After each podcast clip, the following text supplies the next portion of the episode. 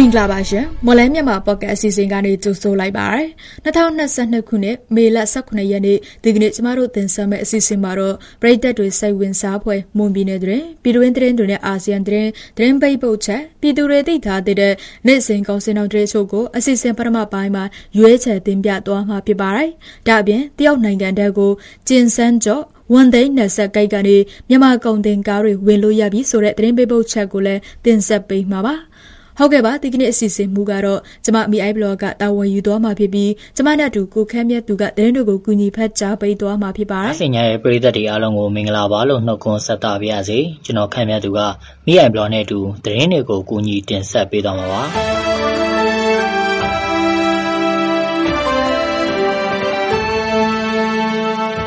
NLD အစိုးရလက်ထက်မွန်ပြည်နယ်ဝန်ကြီးချုပ်ဟောင်းဒေါက်တာအေးဆန်ကို ပုံမှန်55နဲ့ဆွဲဆိုထားတဲ့အမှုကိုမှုအတွက်ထောင်ဒဏ်20နှစ်ချမှတ်လိုက်တယ်လို့အဂတိလိုက်စားမှုတိုက်ဖျက်ရေးကော်မတီကထောက်ပြန်ကြေညာပါတယ်။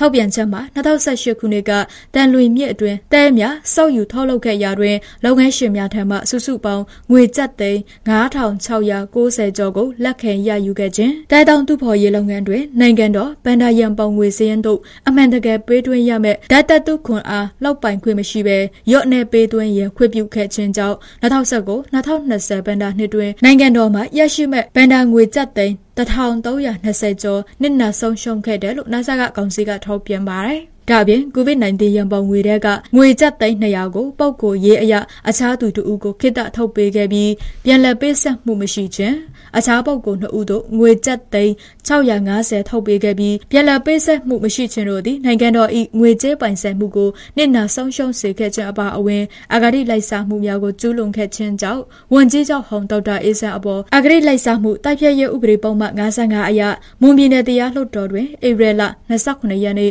2021ကတရားစွဲဆိုတင်ပို့ခဲ့ရာအဂတိလိုက်စားမှုတိုက်ဖျက်ရေးဥပဒေအရအမှုကိုမှုနဲ့လက်ခံစစ်ဆေးခဲ့တယ်လို့လည်းသိရပါတယ်။ မနေ့ကဒေါက်တာအေးဆန်ကိုထောင်ဒဏ်20နှစ်ချမှတ်ခဲ့ခြင်းလည်းဖြစ်ပါတယ်။ NLD အစိုးရလက်ထက်ဝန်ကြီးချုပ်များအပါအဝင်ဝန်ကြီးတချို့ကိုလည်းအဂတိလိုက်စားမှုတိုက်ဖျက်ရေးဥပဒေအရထောင်ဒဏ်အသီးသီးချမှတ်ထားတာလည်းဖြစ်ပါတယ်။ကင်းပြည်နယ်ကော့ကရိတ်ခရိုင်ကျုံတိုးမြို့နယ်ရက်ကွက်တွေမှာအာနာသိန်းဖြစ်စဉ်ကာလအတွင်းဆန္ဒပြတဲ့နေရာမှာပါဝင်ခဲ့မှုတဲ့ဒေသခံချို့ရဲ့နေအိမ်တွေပြီးခဲ့တဲ့ရက်ကစစ်တပ်ရဲနဲ့အုပ်ချုပ်ရေးမှုအဖွဲ့တွေကရက်ကွက်တွေအတွင်းမှာ ပိတ်ဆို့ရှာဖွေ ဖမ်းဆီးခဲ့ပြီး ဒေသခံ ၅ ဦး ဖမ်းဆီးခံခဲ့ရတယ်လို့ သိရပါတယ်။ကျုံတို့ဒေသတွင်ဆန္ဒပြပွဲမှာ ပါဝင်ခဲ့တဲ့ မြို့ပေါ်ဒေသခံတွေနဲ့ NLD ပါတီ ထောက်ခံဝန်းရံခဲ့သူတွေကို စစ်တပ်က နေ့စဉ်စောင့်ကြည့်နေပြီး ပြီးခဲ့တဲ့ မေလ23ရက်နေ့ညကရက်ကွက်တွေအတွင်းမှာ အမည်စင်းနဲ့ ပိတ်ဆို့ရှာဖွေ ဖမ်းဆီးခဲ့တာလို့ ဒေသခံတွေက ဆိုပါတယ်။ကန္နာပိုင်းလမ်းမတန်း ကွက်တစ်ပိုင်းမှောင်ကိုဈေးက ဆန္ဒထုတ်ဖော်ပွဲတွေမှာ ပါဝင်ခဲ့သူတွေ NLD ပါတီနဲ့ ပတ်သက်သူတွေရဲ့ နေအိမ်တွေကို စာရင်းနဲ့လိုက်ရှာပြီး ဖမ်းတယ်၊ဝိုင်းတယ်၊အိမ်တွေခြံတွေကို ဝင်ရှာတယ်။အဲဒီမှာ လူ၅ယောက်ဖမ်းခံရတယ်။မနက်ကျတော့ မိသားစုက လိုက်စုံစမ်းတာ အဆက်အသွယ် မရကြသေးဘူး။တချို့မိသားစုတွေကတော့ ရှောင်နေလို့ မမိသွားဘူးလို့ ကြားတယ်။မြို့ပေါ်ရပ်ကွက်တွေ ဆန္ဒပြတုန်းက ပါဝင်ဖူးသူတွေ တော်တော်များများ ရှောင်နေကြရပြီလို့ ကျုံဒိုးဒေသခံတဦးက ပြောပါတယ်။ကရင်ပြည်နယ်အတွင်းမှာ ဧပြီလနဲ့ မေလအတွင်း ဘားအံ၊ကော့ကရိတ် မြောက်ဦးမြို့ပေါ်က ရပ်ကွက်တွေမှာ ဆန္ဒပြပွဲပါဝင်ခဲ့ဖူးသူ NLD ပါတီနဲ့ ပတ်သက်သူတွေ မကြာခဏ ဖမ်းဆီးစစ်ဆေးမေးမြန်းခံရတာတွေ၊တရားစွဲဆို ထောင်ချခံရတာတွေ ရှိလာနေတယ်လို့ သိရပါတယ်။စီးပွားရေးနဲ့ကုသရေးဝယ်ရေးဝန်ကြီးဌာနစားတောင်းစီတင်တွင်တူလှုံဖြတ်ဖြူချစ်လုပ်ငန်းကြီးကြပ်ရေးကော်မတီကစားအောင်စီအခြေခံလက်ကားရည်ညွှန်းဈေးနှုန်းတွေကိုမနေ့ကစတင်ထုတ်ပြန်လိုက်ပါတယ်။စားအောင်စီကမ္ဘာဈေးနှုန်းဖြစ်ပေါ်ပြောင်းလဲမှုနဲ့အညီပြည်တွင်းမှာဖြစ်သစ်ဖြစ်ထိုက်တဲ့ဈေးနှုန်းတွေဖြစ်ပေါ်စေရအတွက်ထိုင်းကျောက်လျက်ရှိတဲ့အနေနဲ့ထုတ်ပြန်တာဖြစ်တယ်လို့ပြောပါတယ်။မေလ16ရက်နေ့ကနေမေလ22ရက်နေ့အထိရန်ကုန်အထိုင်ဈေးအခြေခံလက်ကားရည်ညွှန်းဈေးကစားအောင်စီတပိတ်တာကို9685ကျပ်ဖြစ်တယ်လို့ကြေညာထားပါတယ်။အဓိကထုတ်လုပ်တင်ပို့တဲ့နိုင်ငံတွေဖြစ်တဲ့မလေးရှား၊အင်ဒိုနီးရှားနိုင်ငံတို့မှာဖြစ်ပေါ်နေတဲ့ FOB ဈေးနှုန်းတွေကိုနှစ်စဉ်စောင့်ကြည့်ပြီးတော့ပြည်တွင်းမှာကုန်ကြတဲ့တည်ယူဖို့ဆောင်ကဗန်စရိတ်အကုန်ခတွေကိုထဲတွင်တွက်ချက်ကထောက်ပြန်ပေးခဲ့တာလို့လည်းဆိုပါတယ် ပြီးခဲ့တဲ့ရက်ပိုင်းကစီတိုလုံကန်တွေမှာရှိတဲ့စီတွေကိုညွန်ကြားချက်မရမချင်းမထုတ်ပေးဖို့မြန်မာနိုင်ငံစီလုပ်ငန်းရှင်အသင်းကကောင်တာတွေကိုအသိပေးခဲ့ပါသေးတယ်။ပြီးခဲ့တဲ့မေလ9ရက်နေ့ကလည်းစီထွက်အသီးနှံတွေဖြစ်တဲ့မြေပဲနဲ့နှမ်းကိုစီးပွားရေးနဲ့ကုသရေးဝယ်ရေးဝန်ကြီးဌာနကပြပတင်ပို့ခွင့်ပိတ်ပင်လိုက်တဲ့အတွက်ပြည်တွင်းမှာစားသုံးစီပြက်လက်မှုရှိလာမှာကိုစိုးရိမ်မှုတွေရှိလာပြီးစားအောင်စီဈေးကစားမှာဈေးနှုန်းတွေမြင့်တက်လာမှာစိုးရိမ်မှုတွေဖြစ်ပေါ်ခဲ့ပါသေးတယ်။မြန်မာနိုင်ငံအနေနဲ့စားအောင်စီကိုအင်ဒိုနီးရှားနဲ့မလေးရှားနိုင်ငံတို့စီကတင်သွင်းတာဖြစ်ပြီးလက်ရှိမှာအင်ဒိုနီးရှားဘက်ကနေစားအုပ်စီပြည်ပတင်ပို့မှုကိုရက်ဆိုင်လိုက်တာကြောင့်ပြည်တွင်းမှာစီပြက်လက်မှာကိုစိုးရိမ်မှုတွေရှိလာတယ်လို့စီကုံတဲ့အသင်းကပြောပါတယ်။အင်ဒိုနီးရှားနိုင်ငံရဲ့အခုလိုစားအုပ်စီတင်ပို့မှုရက်တန်းလိုက်တဲ့နောက်ပိုင်းမှာပြည်တွင်းကစားသုံးစီစိမ်းနှုန်းတွေလည်းအနှဲငယ်မြင့်တက်လာတယ်လို့သိရပါတယ်။ရခိုင်ပြည်နယ်ပုံနာကျွန်းမြို့နယ်ကစစ်ဘေးရှောင်ဒုက္ခသည်စခန်းတစ်ခုဖြစ်တဲ့အထက်မြက်လေးဒုက္ခသည်စခန်းကနေအိမ်တွေကို UNHCR ရဲ့အကူအညီနဲ့ပြန်လည်ဆောက်လုပ်နေပြီလို့သိရပါတယ်။ အထက်မြက်လေးစခန်းမှာ စစ်ဘေးရှောင်နေအိမ်ပေါင်း116လုံးရှိတဲ့ထဲက ဒီကနေ့အထိတော့90ကျော်လောက် ဆောက်လုပ်ပြီးစီးနေပြီလို့ သိရပါတယ်။အထက်မြက်လေးစခန်းမှာ နေအိမ်တွေဟာ ပြီးခဲ့တဲ့2019ခုနှစ် နွေရာသီကတည်းက ယာယီဆောက်လုပ်ခဲ့ကြတဲ့ နေအိမ်တွေဖြစ်ပြီး ၃ နှစ်ကျော် ကြာမြင့်လာပြီဖြစ်တာကြောင့် တချို့နေအိမ်တွေကနေထိုင်လို့ မရတော့တဲ့အခြေအနေထိ ပျက်စီးနေပြီလို့ စစ်ဘေးရှောင်တွေက ပြောပါတယ်။လက်ရှိမှာ UNHCR က နေအိမ်တွေ ပြန်လည်ဆောက်လုပ်ဖို့အတွက် အိမ်တအိမ်ကို မျှောတိုင်9လုံး ၃ ပေ2ပေ တစ်ခွဲသား18ချောင်း ဝါ၃ရာစီ ထောက်ပံ့ပေးထားပြီး ကိုယ်တိုင်ဆောက်လုပ်နေကြတာလို့ သိရပါတယ်။ရခိုင်ပြည်နယ်မှာ စစ်ဘေးရှောင်စခန်းတွေက နေအိမ်တွေ ဟောင်းနှမ်းနေပြီဖြစ်တဲ့အတွက် အမိုးအကာတွေ ပျက်စီးပြီး ပြိုပျက်တော့မယ့် အခြေအနေတွေ ဖြစ်နေကြပြီလို့ ဒုက္ခသည်တွေနဲ့ အရက်ဖက်အဖွဲ့အစည်းတွေက ပြောဆိုကြပါတယ်။ရခိုင်ပြည်နယ်အတွင်းမှာ နေရမပြန်နိုင်သေးတဲ့ စစ်ဘေးရှောင်ဦးရေ6000လောက် ခိုလုံနေကြတဲ့ စခန်းပေါင်း140ခန့်ရှိပြီး စခန်းအလုံးနီးပါးက နေအိမ်တွေ ပြန်လည်ဆောက်လုပ်ပေးဖို့ လိုအပ်နေတယ်လို့ သိရပါတယ်။ အဲဒီထဲကမှစခန်းတချို့ကနိုင်ငံတကာအဖွဲ့အစည်းတွေရဲ့အကူအညီတွေနဲ့ပြန်လည်ပြုပြင်ဆောက်လုပ်ခွင့်ရှိကြပေမဲ့စခန်းအများစုကတော့အကူအညီတွေလိုအပ်နေဆဲဖြစ်တယ်လို့သိရပါတယ်။တရားမဝင်မြန်မာလုပ်သားတွေတင်ဆောင်လာတဲ့ကားသုံးစီးဟာအယုထရခရိုင်အဝေးပြေးလက်မပေါ်ကစစ်စေးရေးဂိတ်မှာစစ်ဆေးမခံဘဲ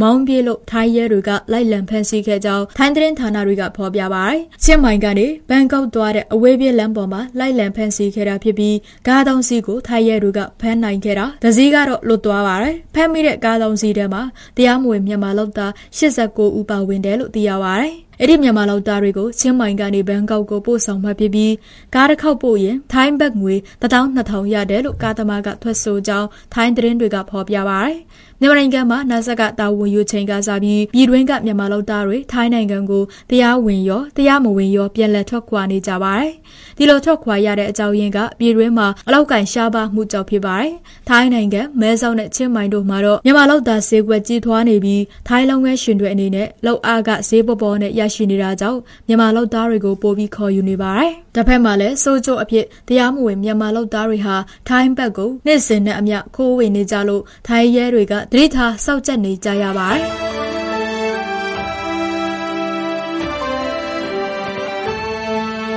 ဟုတ်ကဲ့ပါဆက်လက်ပြီးတော့ပြည်သူတွေသိထားတဲ့နေ့စဉ်ကောင်စင်တော်တဲ့ချို့ကိုမလမြိုင်ကောင်စီတိုင်းကအချက်လက်တို့ကိုအခြေခံပြီးကျမမီအိုင်ဘရောကတင်ဆက်ပေးပါဦးမယ်။ ဒီကနေ့ထိုင်းနဲ့မြန်မာငွေလဲနှုန်းကတော့ထိုင်းဘတ်59.5ဝယ်ဈေးရှိပြီးတော့ရောင်းဈေးက60.3ရှိနေပါတယ်။ဒေါ်လာဈေးကတော့အမေရိကန်ဒေါ်လာကိုဝယ်ဈေးမြန်မာငွေ1850.3နှစ်ရှိပြီးရောင်းဈေးကတော့1855.4နှစ်ရှိပါတယ်။ရွှေဈေးနှုန်းကမီလ16ပဲရေတကြက်သားကို20သိန်းတောင်းတောင်းနဲ့15ပဲရေတကြက်သားကို18သိန်း6တောင်းရှိနေပါတယ်။73စီတူကတော့တီဆက်တလီတာကို2305ကျပ်အောက်သိန်း92တလီတာကို2140ကျပ်နဲ့95တလီတာကို2200အထိရှိနေတာပါရောဘာဈေးနှုန်းမှာအကောင်းဆုံးကတော့နေလန်းလွတ်တပေါင်ကို1040ကျပ်ရှိနေပါတယ်စံစင်းနှုန်းကတော့အကောင်းစားပေါ်စံမွေ3တစ်အိတ်ကြီးအလေးချိန်108ပေါင်ကို9100ကျပ်အလယ်လက်တန်စံမျိုးစားဘော်ကျွဲသည့်စံသား80ကို4100ကျပ်နဲ့အမထဆန်တွေကတော့စံသား80ကို11500ကျပ်နဲ့စံသား90ကို13300ကျပ်ရှိနေတာ ကျွန်တော်တို့ရဲ့မွန်လိုင်းမြန်မာပေါ့ကတ်မြန်မာဘာသာအစီအစဉ်ကိုအားပေးနားတော်တာဆင်ကြတဲ့ပရိသတ်များခင်ဗျာကျွန်တော်တို့အတန်လွင့်အစီအစဉ်ကနေပြီးတော့ဝန်ပြည်နယ်မှာဖြစ်ပျက်နေတဲ့သတင်းတွေပြည်တွင်းငြိမ်းချမ်းရေးဖြစ်စဉ်တွေအပြင်မြန်မာနိုင်ငံသတင်းနဲ့အာဆီယံသတင်းတွေကိုအပတ်စဉ်တနင်္လာနေ့ကနေတောက်ကြနေ့မှာည9:00နာရီအချိန် Moon News Agency Facebook စာမျက်နှာမှာဝင်ရောက်နားဆင်နိုင်သလိုမွန်လိုင်းမြန်မာ Podcast စာမျက်နှာမှာလည်းဝင်ရောက်နားဆင်နိုင်ပါပြီ။အားပေးကြတဲ့ပရိသတ်များအားလုံးကိုကျေးဇူးတင်ပါတယ်ခင်ဗျာ။ အခုတင်ဆက်ပေးသွားခဲ့တာကမေလ18ရက်နေ့မှာဖြစ်ပျက်ခဲ့တဲ့မွန်ပြည်နယ်တွင်ပြည်တွင်းသတင်းနဲ့အာဆီယံသတင်းတွေပြင်တနိဒာစီစေးငွေစေးနဲ့ကောင်စင်းနှုန်းတွေကိုတင်ဆက်ပေးသွားခဲ့တာဖြစ်ပါတယ်။ဆက်လက်ပြီးတော့တယောက်နိုင်ငံထက်ကိုဂျင်ဆန်းကျော့ဝန်သိန်းနယ်စပ်ကိတ်ကနေမြန်မာကုန်တင်ကားတွေဝင်လို့ရပြီဆိုတဲ့သတင်းပေးပို့ချက်ကိုစရောင်းနုံကတင်ဆက်ပေးပါမယ်ရှင်။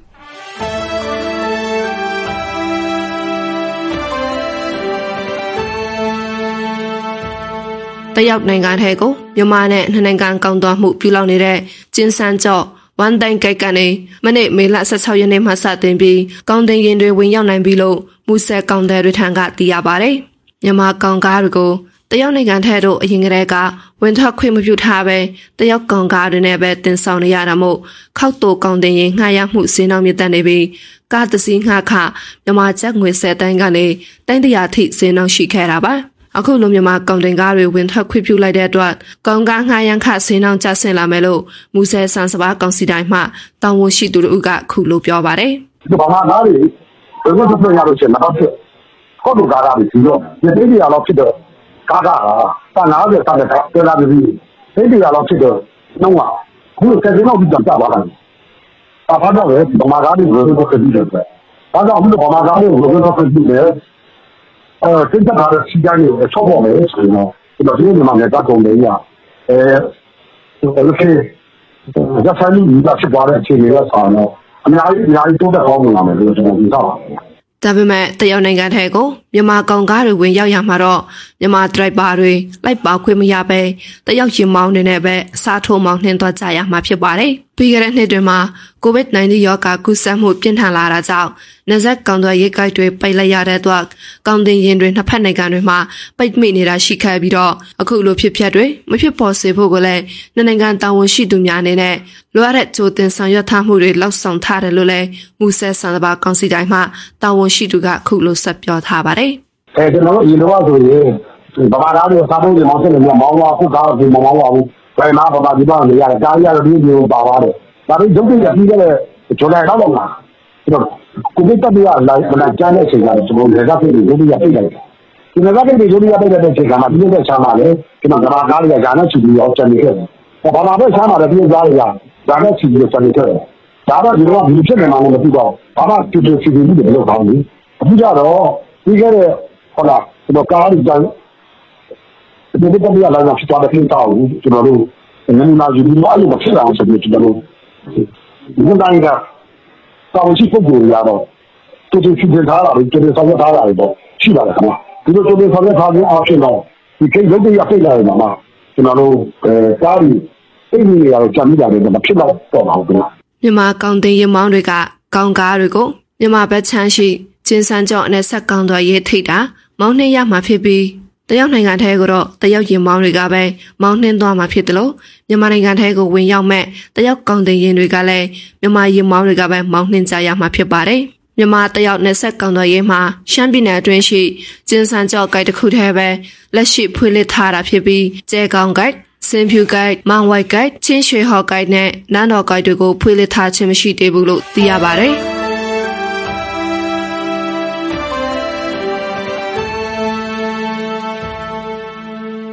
ကျွန်တော်တို့ရဲ့ မွန်လန်းမြန်မာပေါ့ကတ်စီစဉ် ဒီမှာတင်ပြီးဆုံးပါပြီ။နားဆင်ကြတဲ့ ပရိသတ်တွေအားလုံးကို နောက်နေ့စီစဉ်တွေမှာ ဆက်လက်အားပေးကြပါအောင်လို့ ဖိတ်ခေါ်ရင်း အစီအစဉ်ကို အဆုံးသတ်ပါရစေ။အားလုံးကို ကျေးဇူးတင်ပါတယ်ခင်ဗျာ။